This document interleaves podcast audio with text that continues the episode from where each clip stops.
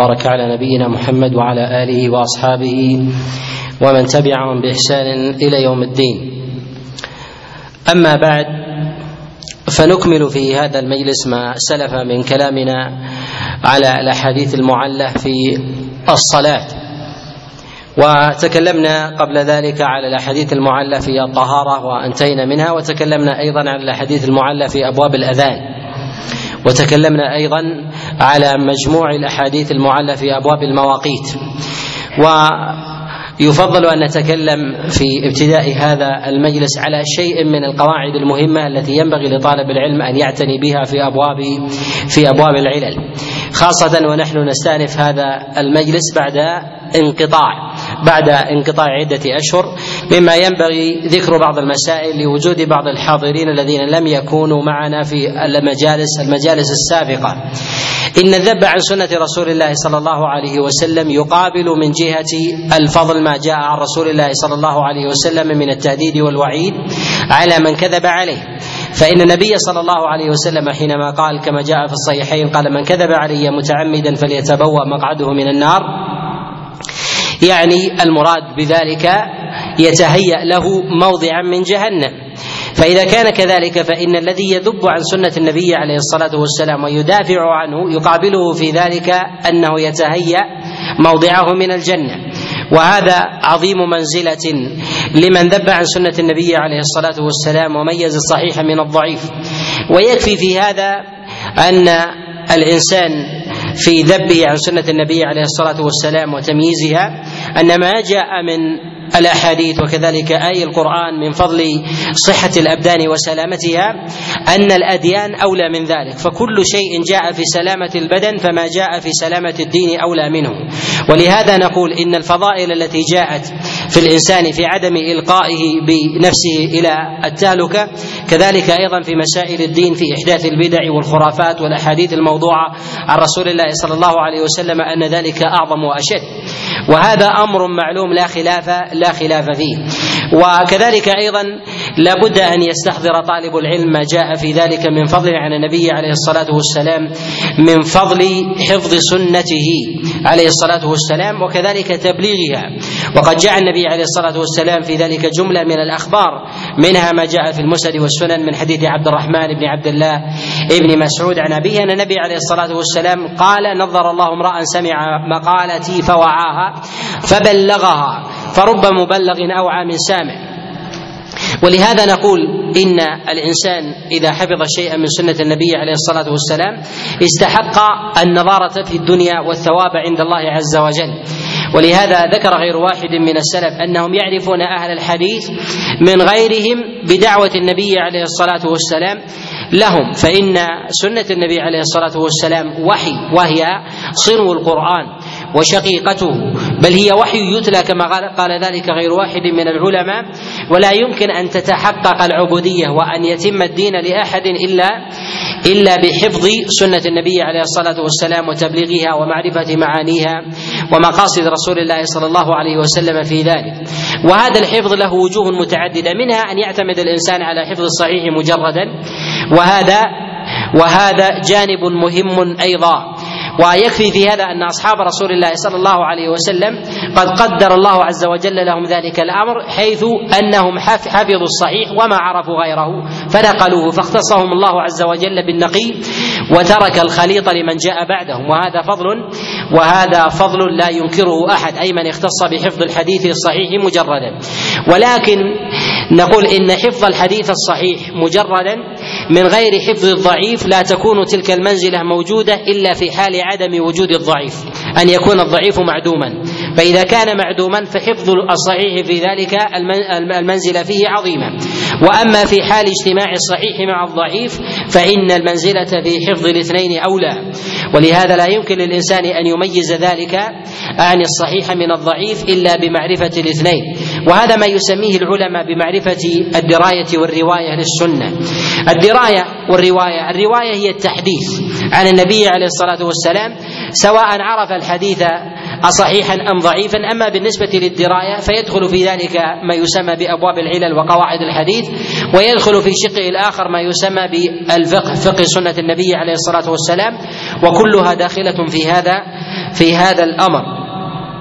وما جاء عن النبي عليه الصلاة والسلام موصوف بالوحي وهذا لقول الله جل وعلا وما ينطق عن الهوى إن هو إلا وحي يوحى وكذلك موصوف بالتلاوة والكتاب.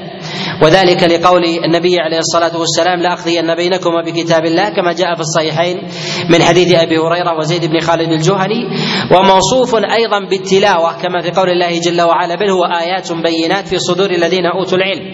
قال غير واحد من العلماء إن الآيات إذا أطلقت فإنها يدخل فيها السنة كما يدخل فيها أصالة القرآن وأن موضع هذين هو الصدور ومن علم شيئا ومن علم شيئا من السنة فليحفظه فإن الحفظ هو الذي يثبت ذلك المعلوم. ولهذا لا يوصف العالم بالعلم إلا وقد حفظ. وأما الذي يفهم من غير حفظ فليس بعالم. ولهذا قيد الله عز وجل العلم بالحفظ بقوله بل هو آيات بينات في صدور الذين أوتوا العلم. وإما أن يحفظ العلم بلفظه وإما أن يحفظ العلم بمعناه. فإذا حفظه بلفظه أثبت وأدعى إلى الاستنباط بخلاف المعنى فإن المعنى فإن المعنى يقع في نفس الإنسان ويتشعب. فربما استنبط على لفظ ظنه هو الذي قاله رسول الله صلى الله عليه وسلم فإذا هو غيره.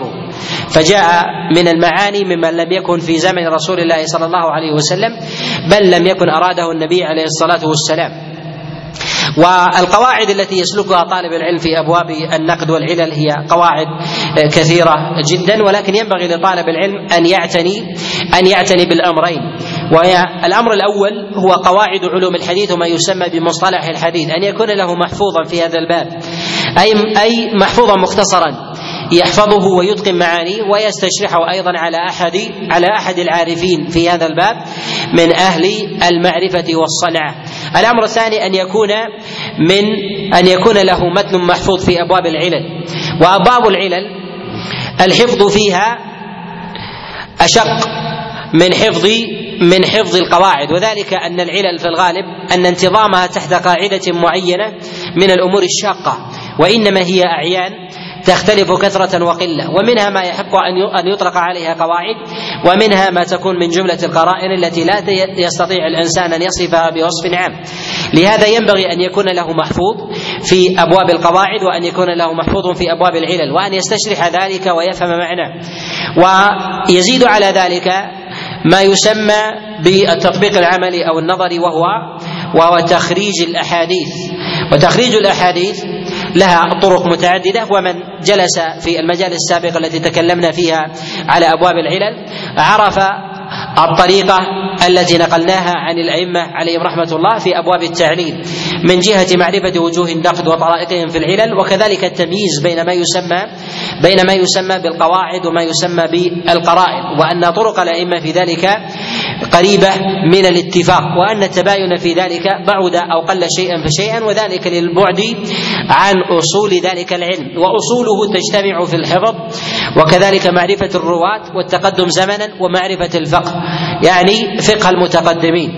ومن تجرد من أحد هذه الأشياء فإنه يقل فيه يقل فيه معرفة العلل شيئا فشيئا حتى يتجرد الإنسان من هذا من هذا العلم. لهذا ينبغي لطالب العلم أن تتوفر فيه هذه الشروط والأركان حتى يكون من أهل المعرفة. لهذا أعظم وجوه المعرفة مما ذكرنا هو أن يمارس الإنسان أن يمارس الإنسان العلم أن يمارسه عملا وذلك بمعرفة الصحيح من الضعيف بذاته منفردا عن غيره. ثم يعرض كلامه على العارفين من أهل العلم ولا يتفرد ويستقل بنفسه حتى لا يقع في الخطأ خاصة في مراحله الأولى. ويعرض ذلك إما على الأئمة العارفين الذين استوعبوا العلم من جهة معرفة معناه وكذلك طرائق الأئمة فيه وإذا لم يتيسر له ذلك فيتجاوز هذا إلى المصنفات المدونة في هذا وما يسمى بكتب التخاريج. وكتب التخاريج كثيرة جدا أوسعها وأشملها وبل يقال إنه أفضلها أيضا كتاب البدر المنير لابن الملقن رحمه الله وقد جمع أدلة الأحكام في مذهب الإمام الشافعي. واستوعب شيئا كثيرا ممن لم يستوعبه غيره وأسب في ذلك واطنب واستطرد في ايراد كثير من الأحاديث والطرق والآثار في أبواب الأحاديث التي يريدها في حديث الباب المقصود منه. وكذلك أيضا ثمه كتب على مذاهب متنوعة منها في مذهب الشافعي ككتاب التلخيص الحبير وكذلك أيضا كتاب التحفة تحفة المحتاج وهي لابن حجر أيضا وكذلك أيضا على مذهب أبي حنيفة نصب الراية. للزيلعي عليه رحمة الله. وثمة أيضا مصنفات في مذهب الإمام أحمد رحمه الله ومن أمثلها اوعبها في ذلك وكتاب الرواء الغليل. وثمة مصنفات متأخرة في مذهب الإمام مالك في هذا بجمع طرق الأحاديث في هذا. ومن أشهرها للمتأخرين كتاب المداوي للغماري وهو يجري على طريقة الظاهريين في هذا كطريقة ابن قطان الفاسي ابن قطان الفاسي وكذلك وكذلك ابن العربي وغيرهم الذين له مدرسة في الظاهرية النقدية. لا في أبواب لا في أبواب الفقه وإنما المراد بذلك هو في مسألة الظاهر. وإن كان لهم نفس ظاهري في هذا الباب ولكنه نفس قليل ولكن مرادنا هنا فيما يتعلق بأبواب فيما يتعلق في أبواب أبواب العلل. وهذا يرجع فيه الإنسان عند ممارسة العملية ومعرفة مناهج العلماء ويفضل أن يقرأ طالب العلم شيئا من هذه الكتب وأن يستوعبها نظرا.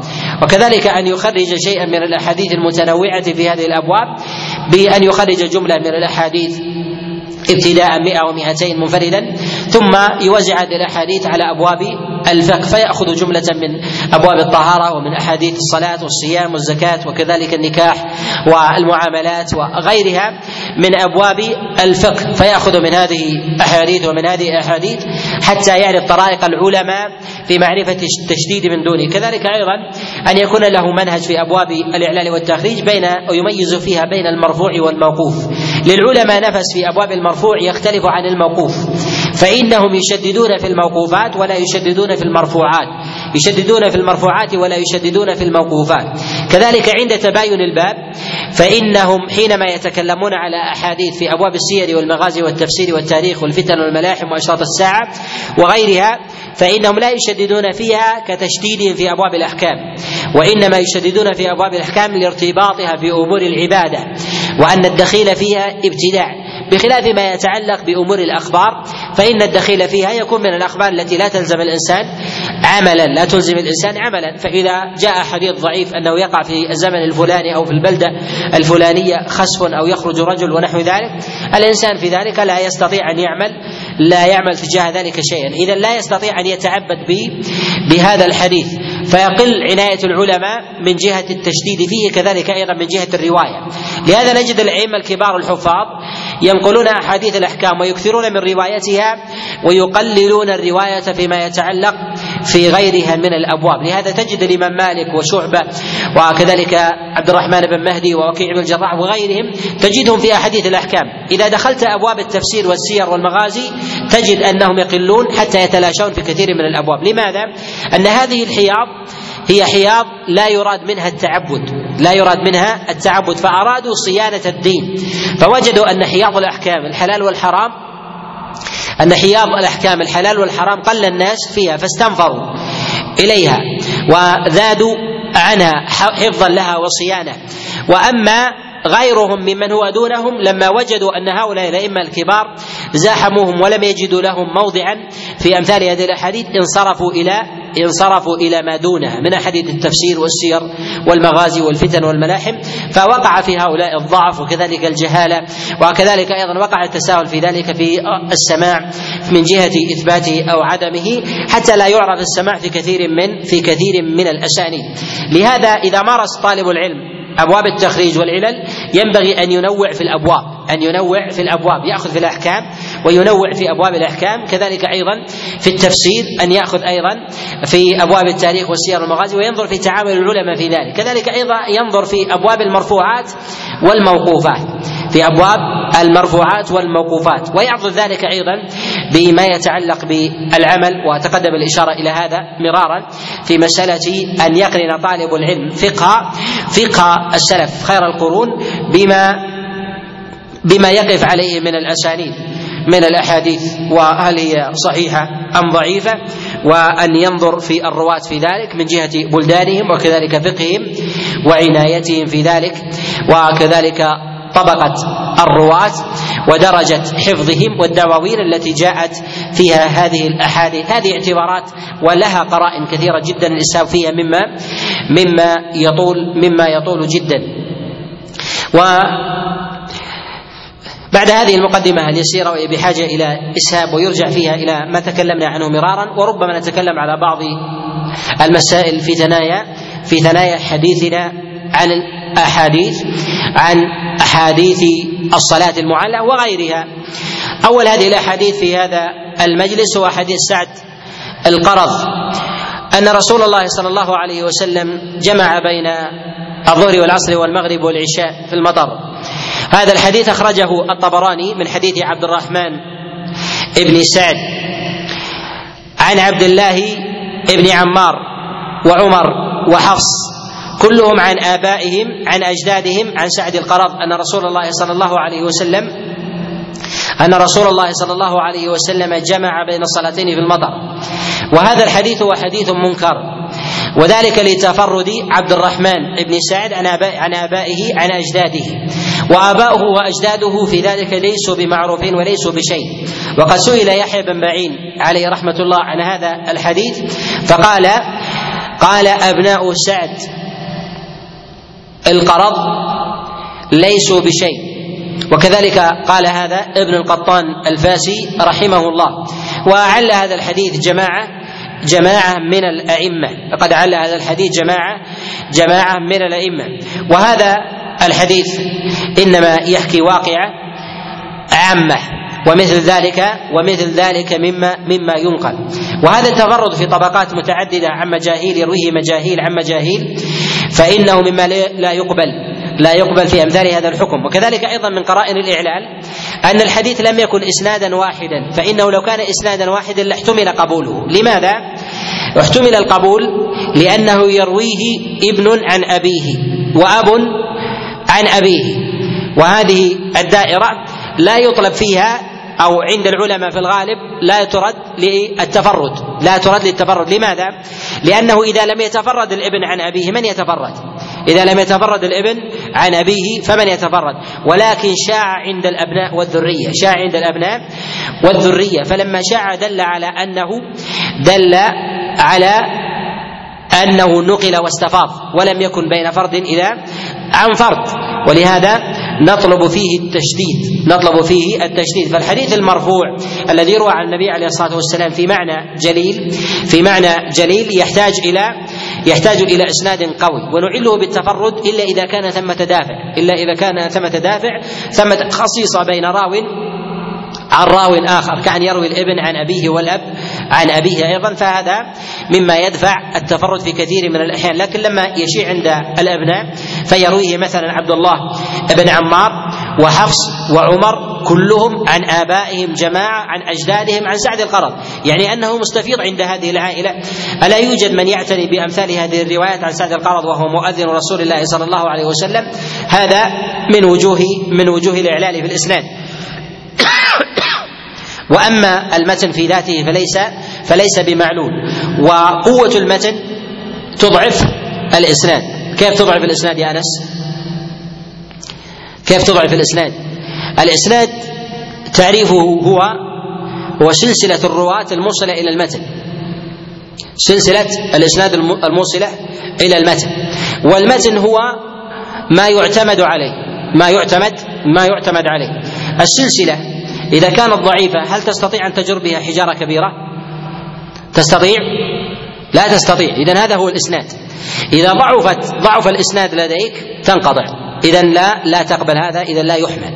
إذا قوي الإسناد لديك حمل، ولهذا سلسلة سعد القرض في رواية آبائه عن أبنائه قوية تحمل هذا المتن أو لا تحمله؟ لا تحمل إذا هي إسناد هي سلسلة ضعيفة، هي سلسلة ضعيفة، وهذا يحتاج إلى معنى يحتاج هذا المعنى العظيم يحتاج إلى سلسلة عظيمة، سلسلة عظيمة ويأتي الإشارة إلى هذا إلى هذا المعنى بإذن الله بإذن الله تعالى.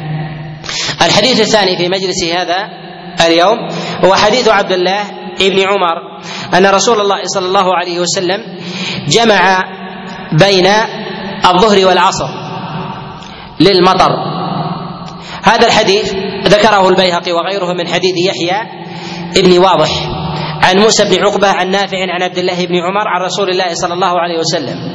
هذا الحديث ظاهر إسناده الصحة.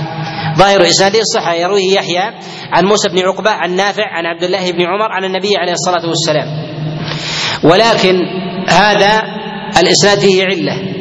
وهذه العلة أن يحيى بن واضح ثقة ويرويه عن موسى بن عقبة. وموسى بن عقبة هو إمام في المغازي. إمام في المغازي. ذكره في أمور الأحكام العظيمة قليل. ذكره في أمور الأحكام قليل. خاصة عن نافع. فله أصحاب نافع. له أصحاب كثر. لا يتفرد موسى بن عقبة بروايته عنه. ولهذا قد تقوى تقوى سلسلة في الإسناد وتأتي سلسلة أخرى ثم تأتي حلقة ضعيفة فيه. يكون الانقطاع هنا. لا يحتمل لا لا يحتمل لا يحتمل الشد بها. لهذا نقول إن في مثل هذا الحديث في مثل هذا الحديث علة. موضع العلة هو تفرد يحيى بن واضح عن موسى بن عقبة عن نافع. نافع مولى عبد الله بن عمر هو ممن يشتهر الرواية عنه. تشتهر الرواية عنه وله أصحاب كبار تفرغوا بالأخذ عنه. كمالك بن أنس وعبيد الله بن عمر وغيرهم من الأئمة الحفاظ الذين يرون الأحاديث كذلك أيضا كابن شهاب وغيره. فجاء موسى بن عقبة فتفرد واختصاصه في أبواب السير ومثل هذه المعاني يحتاج إليها من هو أولى منه كمالك بن أنس وابن شهاب الزهري وكذلك أيضا عبيد الله بن عمر وغيرهم. فلما جاءت هذه الرواية من غير هذا الوجه دل على نكرتها. ولهذا تجد الأئمة ينكرون هذا. ولهذا نقل أبو بكر الاثرم عن الإمام أحمد أنه سئل عن الجمع بين الظهر والعصر في المطر قال ما سمعته. قال ما سمعته. يعني أنه لا يثبت عنده هذا هذا الأمر. ومن وجوه الإنكار أن الإمام مالك بن أنس وهو من أخص أصحاب مالك لا يعلم أن النبي عليه الصلاة والسلام جمع في المطر أن النبي جمع جمع في المطر. ولما جاء ذكر حديث عبد الله بن عباس عليه رضوان الله تعالى أن رسول الله صلى الله عليه وسلم جمع في المدينة من غير خوف ولا مرض سئل عن ذلك قال أرجو أن يكون في المطر يعني أنه لا يعلم أن النبي عليه الصلاة والسلام جمع. ولو كان عند نافع حديث في ذلك عن عبد الله بن عمر لكان أولى الناس أخذا به من؟ مالك بن أنس عن عن نافع عن عبد الله عن عبد الله بن عمر عليه رضوان الله تعالى. وكذلك أيضا فإن هذا الحديث قد أنكره جماعة كابن عبد الهادي في كتابه التنقيح فإنه قال هذا الحديث لا يصح عن رسول الله صلى الله عليه وسلم مرفوعا. ولكن ثبت عن عبد الله بن عمر أنه جمع في المطر. رواه الإمام مالك في الموطأ عن نافع عن عبد الله بن عمر. وهذا من وجوه الإعلان أن عبد الله بن عمر لو كان عنده مرفوعا لكان أولى بالرواية مالك. وما روى الموقوف. ولو لم يروي مالك الموقوف لكان أخف. لو لم يروي الإمام مالك الموقوف لكان آخف لقلنا أنه لم يقف لم يقف في المسألة على شيء. ولما وقف على المسألة على الموقوف وعمن عمن روي عنه المرفوع دل على عدم ثبوت المرفوع عنده. وأنه إنما روى الموقوف لعدم ثبوت المرفوع. لهذا نقول إن المرفوع إن المرفوع في ذلك في ذلك منكر. جاء المرفوع من وجه آخر من حديث سفيان ابن بشير. عن مالك عن نافع عن عبد الله بن عمر النبي عليه الصلاة والسلام جمع في المطر. وهذا الحديث منكر.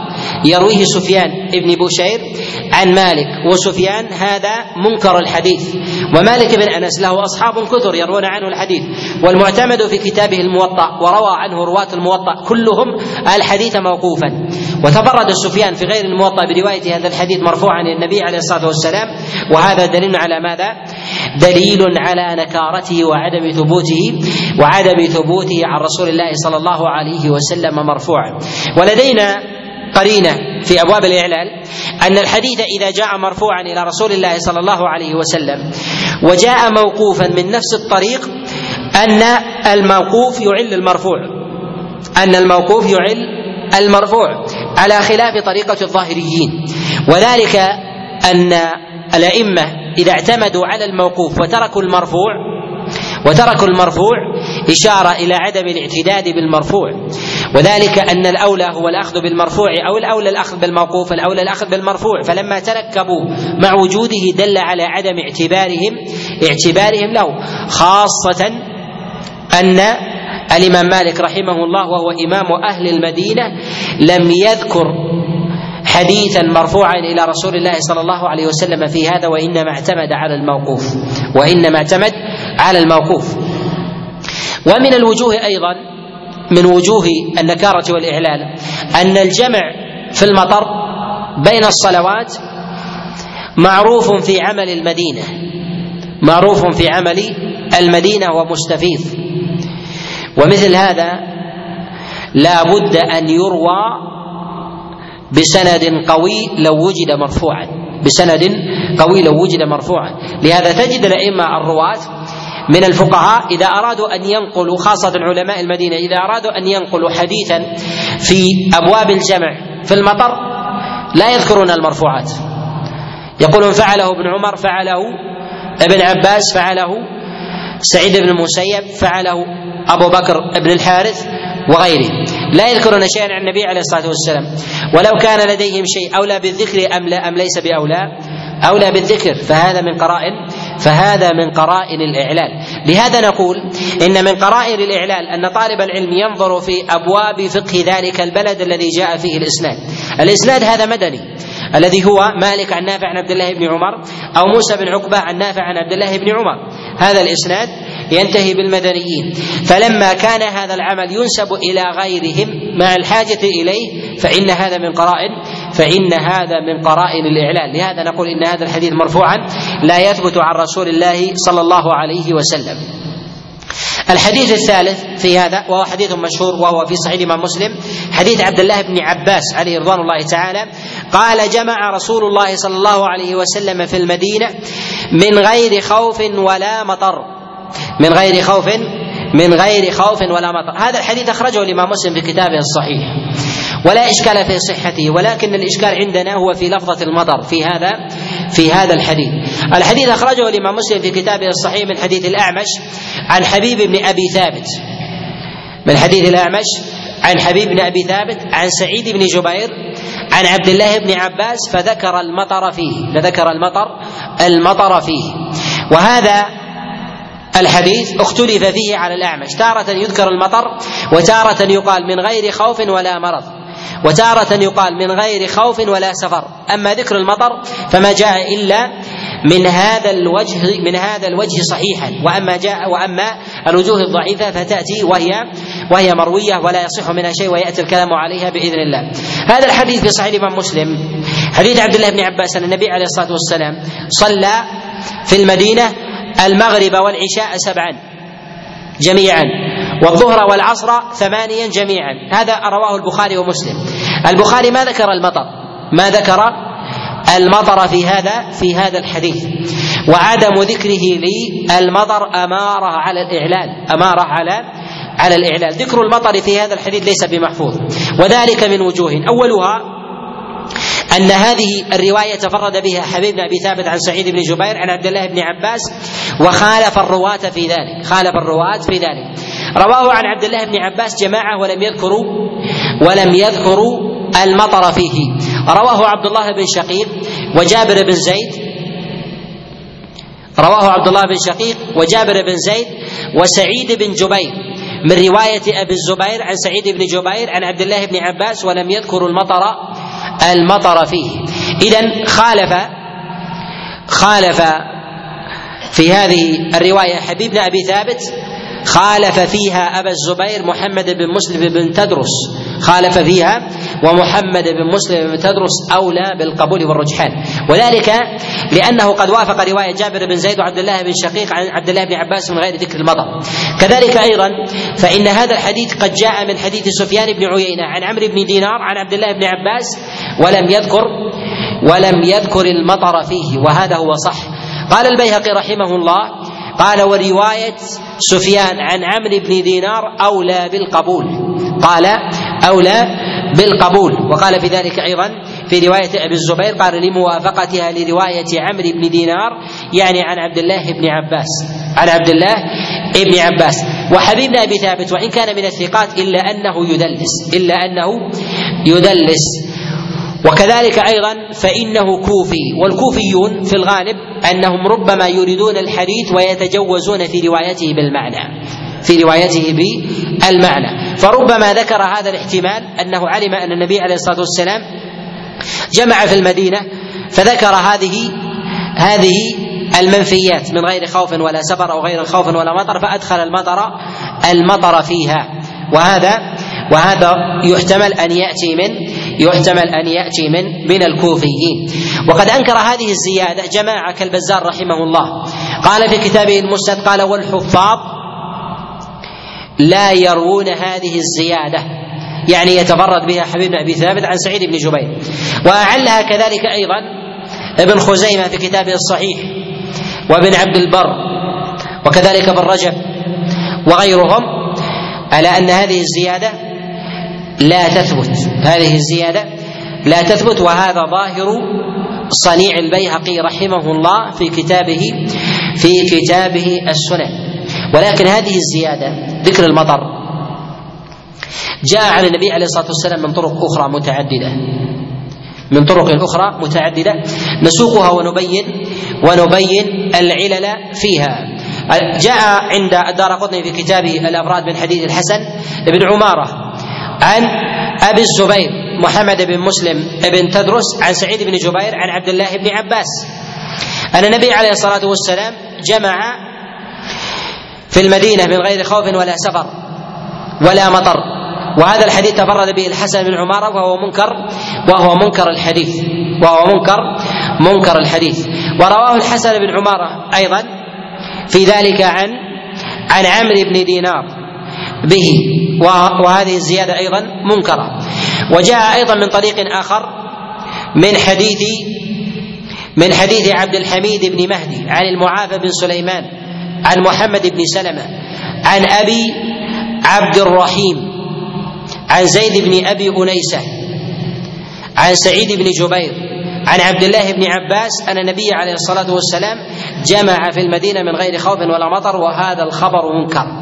وهذا الخبر أيضا منكر. فإن عبد الحميد الذي تفرد بروايته هذه بهذا الحديث عن عن المعافى بن سليمان منكر الحديث كما نقل ذلك ابن رجب رحمه الله في كتابه في كتاب الفتح كذلك أيضا من وجوه الاعلال أن هذا الحديث جاء عن أبي الزبير محمد بن مسلم بن تدرس. وهذه الرواية جاءت في الصحيح عند الإمام مسلم من غير ذكر المطر مما يدل على أن هذه الرواية عن عن أبي الزبير لا تصح بذكر المطر بذكر المطر المطر فيه.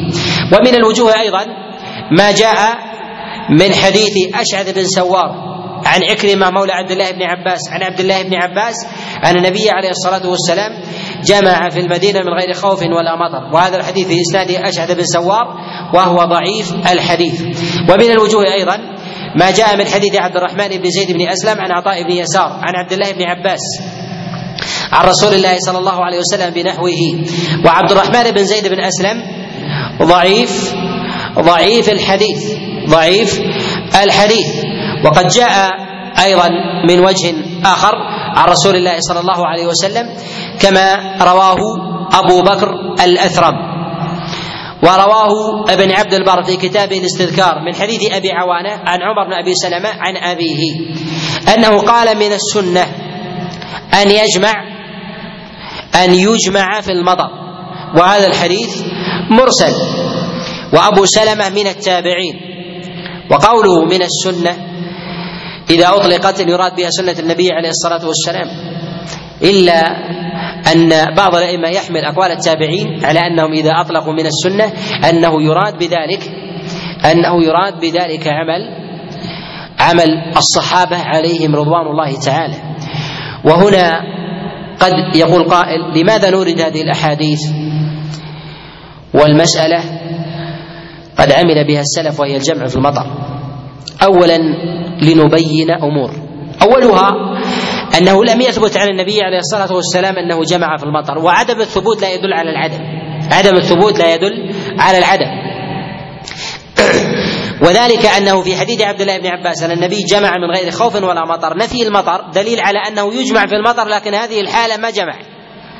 فهي بدلالة المفهوم تدل على الجواز ولكن هذه الرواية ضعيفة.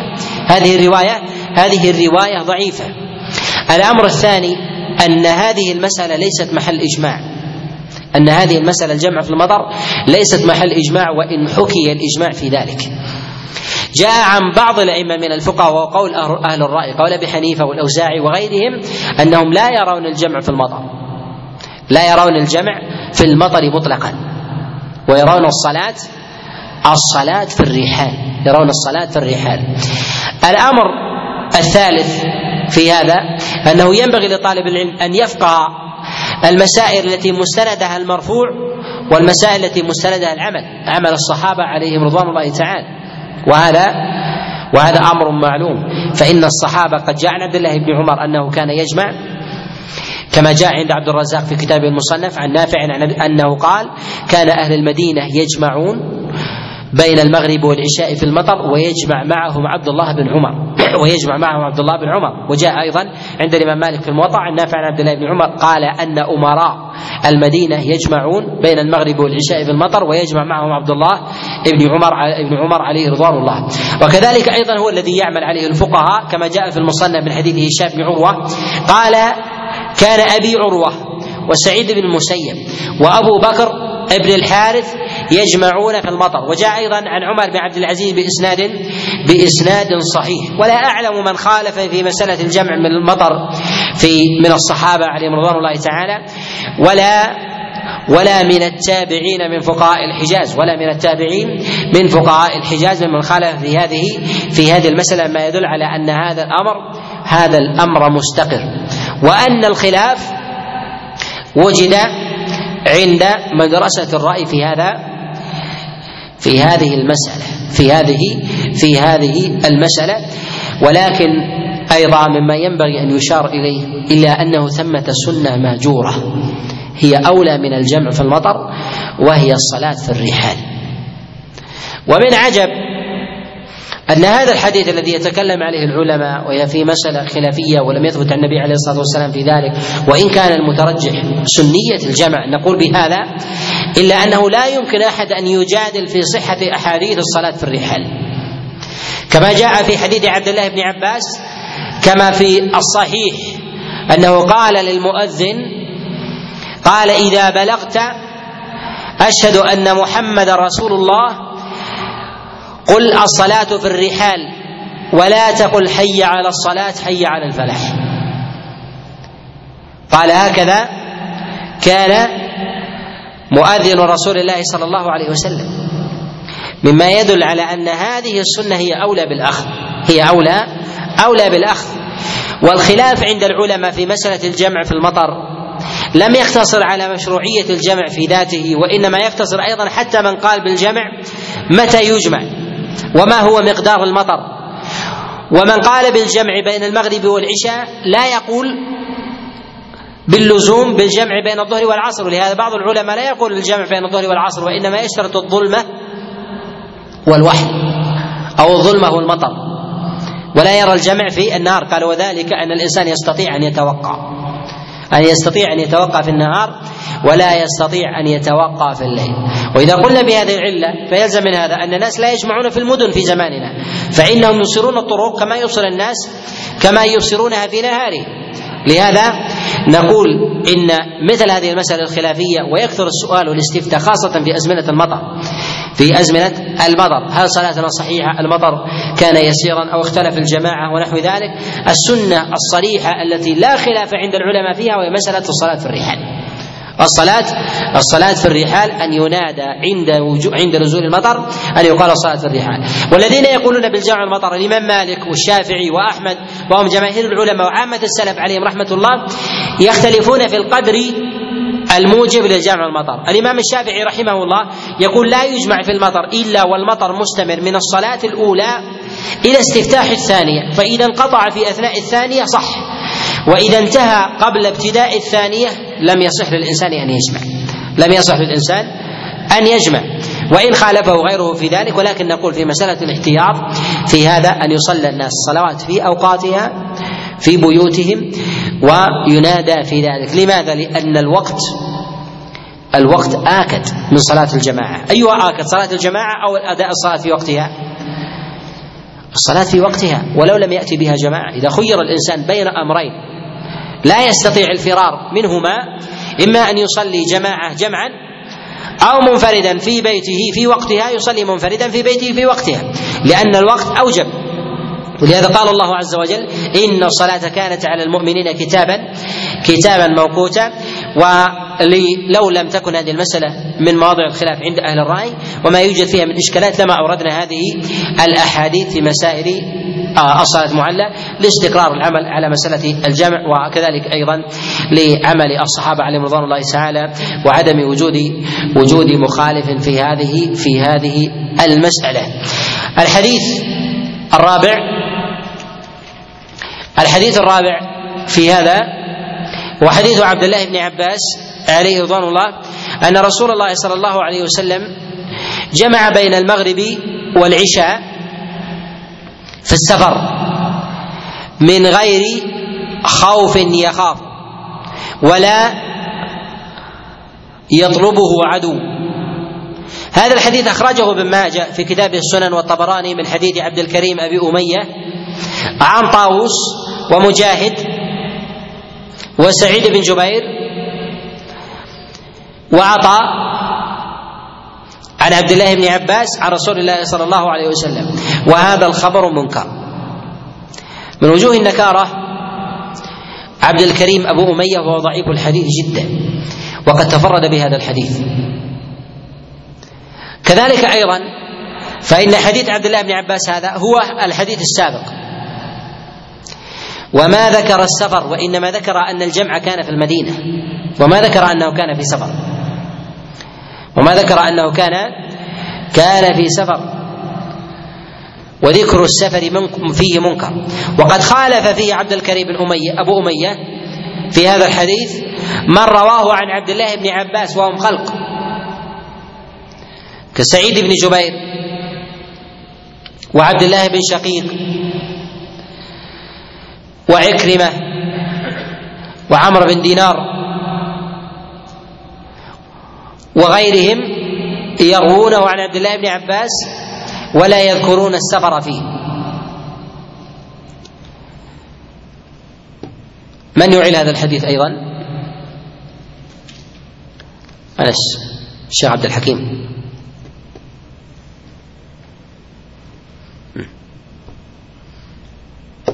نعم.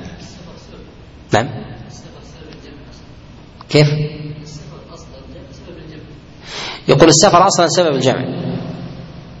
هل الجمع في السفر يجوز بالاتفاق؟ لا. ليست المسألة اتفاق.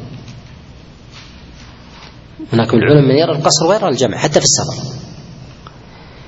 من وجوه الإعلال أن عبد الكريم أبو أمية هذا الرجل الضعيف يحدث عن من؟ انظروا هؤلاء الجماعة. هذا الرجل الضعيف يحدث عن من؟ عن مجاهد وعطاء وطاووس. وسعيد بن جبير عن عبد الله بن عباس. هل يحتمل هذا؟ يحتمل؟ ما يحتمل. هذا الرجل إذا أردنا أن ننظمه في سلسال يكون سلسالة صغيرة.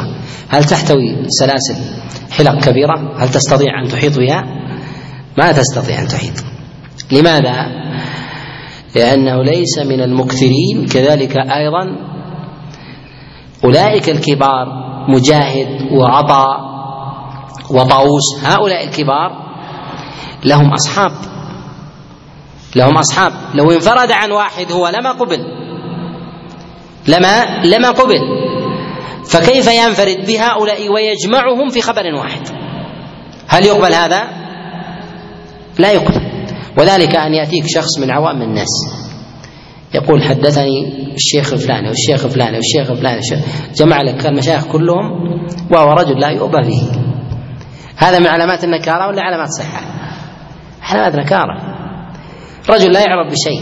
طاف على المشايخ وجلس معهم ثم حدثوه بهذه الأحاديث وكأنه صاحب اختصاص؟ لا. ولهذا نقول إن الضعيف المقل لا يحتمل عنه التفرد عن المكثر الواحد فكيف عن مكثرين؟ عن المكثر الواحد فكيف عن عن مكثرين؟ فكيف أن ينفرد بمتن جليل؟ فكيف أن يخالف غيره؟ فكيف أن يخالف؟ أن يخالف غيره. ولهذا نقول إن هذا الحديث إن هذا الحديث منكر. إسنادا ومنكر أيضا متنا ومنكر أيضا ومنكر أيضا متنا وذلك أن ذكر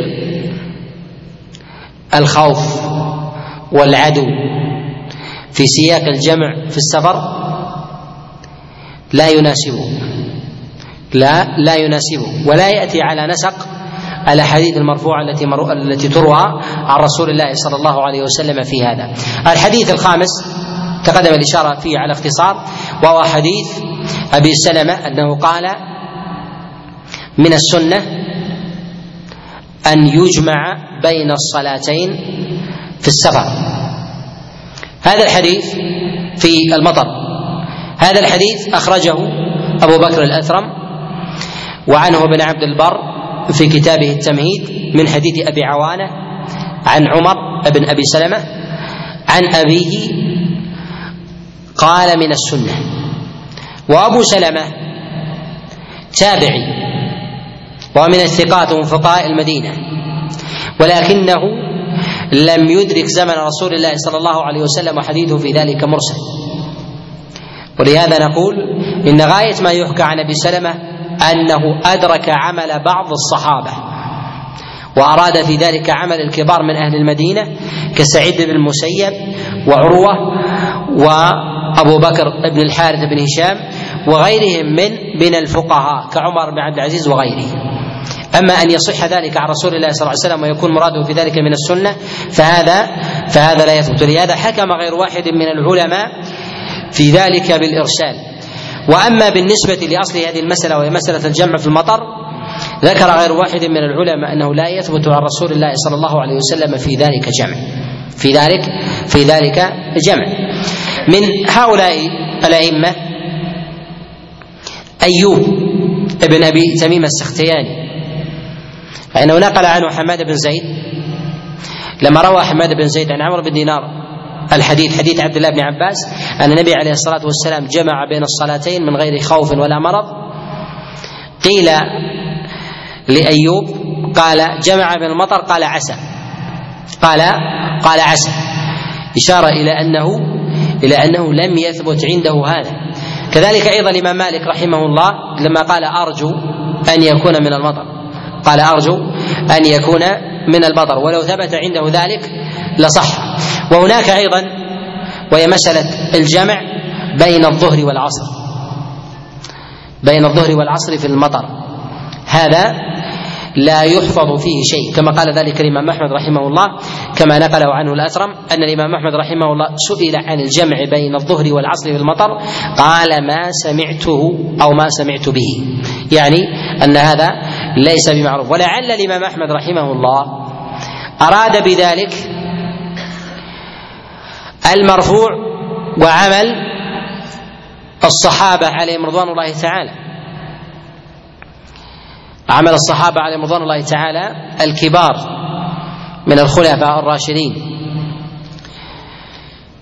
وإذا قلنا أنه لم يثبت الجمع بين الصلاتين في بين المغرب والعشاء في المطر فإنه كذلك في الظهر والعصر يكون من باب أولى. يكون من باب من باب أولى. لأن لو أثبتنا في الظهر والعصر نثبته من باب أولى بين في المغرب والعشاء.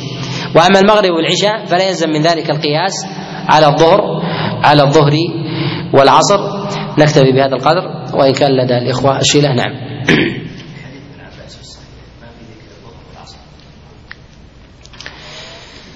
نحن نتكلم على المطر. في المطر. في المطر فقط.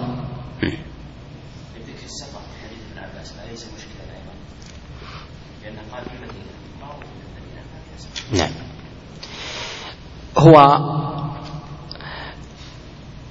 قد يغلب أو يرد على ظن الظن أن الإنسان إذا عزم على سفر أنه يقصر قبل خروجه.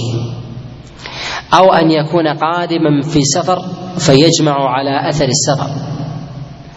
فجاء النفي من عبد الله بن عباس قال من غير خوف ولا مرض قال ومن غير خوف ولا ولا سفر. نعم.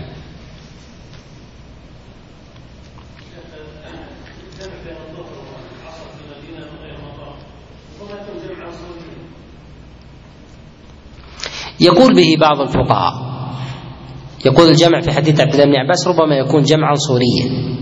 جمعا صوريا نقول يقول به بعض الفقهاء أن هذا الجمع جمع صوري ولكن لا يظهر لي أن هذا جمعا صوريا لا يظهر لي أن هذا جمعا صوريا لأن هذا يكون في وقت الصلاة ولا يكون عليه عليه الإشكال الذي استشكله الأئمة. الأئمة الأوائل ممن يروي هذا الحديث لا يريد الجمع الصوري من الصحابة والتابعين إنما جاء في ذلك في كلام المتأخرين. نعم. مرتين. صلاة في الرحال أو صلاة في الرحال. نعم. حديث عمر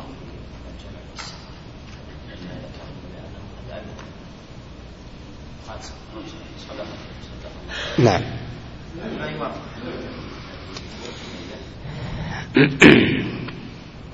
حديث عبد الله بن عمر حديث عمر بن الخطاب. عمر بن الخطاب تأول الآية.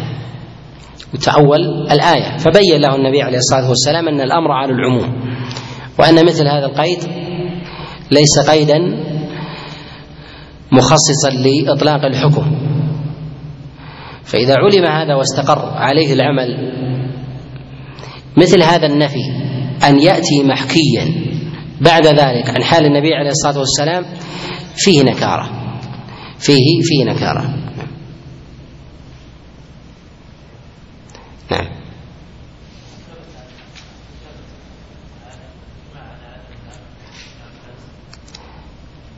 يقول هل ثبت عدم العمل بحديث عبد الله بن عباس؟ ذكر الترمذي رحمه الله في كتابه العلل قال كل ما في هذا الكتاب يعني السنن قد عمل به الأئمة إلا حديثين. وذكر حديث عبد الله بن عباس أن النبي عليه الصلاة والسلام جمع في المدينة من غير خوف ولا ولا مرض ولا سفر. وهذا الإطلاق من الترمذي رحمه الله فيه نظر كما قال ذلك غير واحد من العلماء. فإنه قد عمل به الإمام أحمد رحمه الله في رواية ونص على أن مثل هذا الإطلاق والنفي في نظر النووي رحمه الله في كتابه المجموع وكذلك ابن رجب رحمه الله في شرح العلل.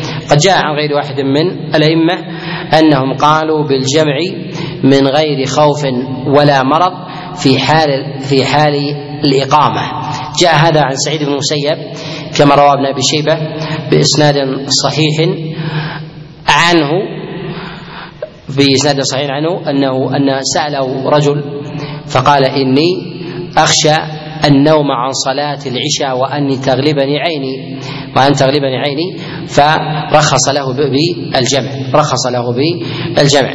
هذا النفي لعله أراد المجموع العمل العامة وعمل الجماهير أو عمل كثير من الناس. نعم.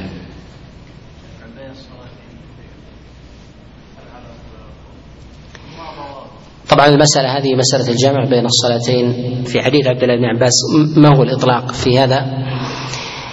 عبد الله بن عباس سئل عن ذلك قال لكي لا يحرج أمته. لو كان في سبب عند عبد الله بن عباس واضح من مطر وغيره ما قال هذه العبارة العامة لكي لا يحرج أمته إذا ما المراد بهذا؟ المراد بذلك هو في حال ورود المشقة يجوز للإنسان أن يجمع مثال الشخص مثلا أكره أو حلت به نازلة أو أصيب بمرض أصابه بأرق فلم ينم ليوم أو يوم ونصف ونحو ذلك وأدركه وقت أحد الصلاتين إما المغرب أو الظهر. واحتاج إلى النوم. أو أعطي دواء لينام من أرق فيه ويخشى إن نام ألا يقوم. هذا من التيسير أن يقال له بالجمع. كذلك أيضا في حال الإنسان ربما يقدم من سفر لم ينم يوما كاملا فدخل بيته. ويخشى إن صلى صلاة الظهر أن ينام عن العصر. إذا إذا جاء من شقة بعيدة وأخذ يوما أو يوم نصف متواصل لم ينم نقول إذا غلب على ظنه عدم القيام ولو في بيته يؤديها بوقته نقول يجمع. كذلك أيضا في حال الإقامة الشخص الذي يعمل مثلا في في مثلا في الأمن في مطاردة سارق أو مراقبة مثلا مروج مخدرات ويخشى إن تفرغ لصلاتين قطع قطع عليه القبض على مفسد في الأرض. نقول في مثل هذا يجوز. ثمة أحوال. ولا يطلق هذا على سبيل على سبيل العموم ولكن يقال إن الإتيان بالصلاة على وقتها كتابا موقوتا ولهذا جاء النبي عليه الصلاة والسلام وجاء موقوف مع العمر قال من جمع بين الصلاتين من غير عذر فقد أتى كبيرا من كبائر الذنوب. والله أعلم صلى الله وسلم وبارك على نبينا محمد.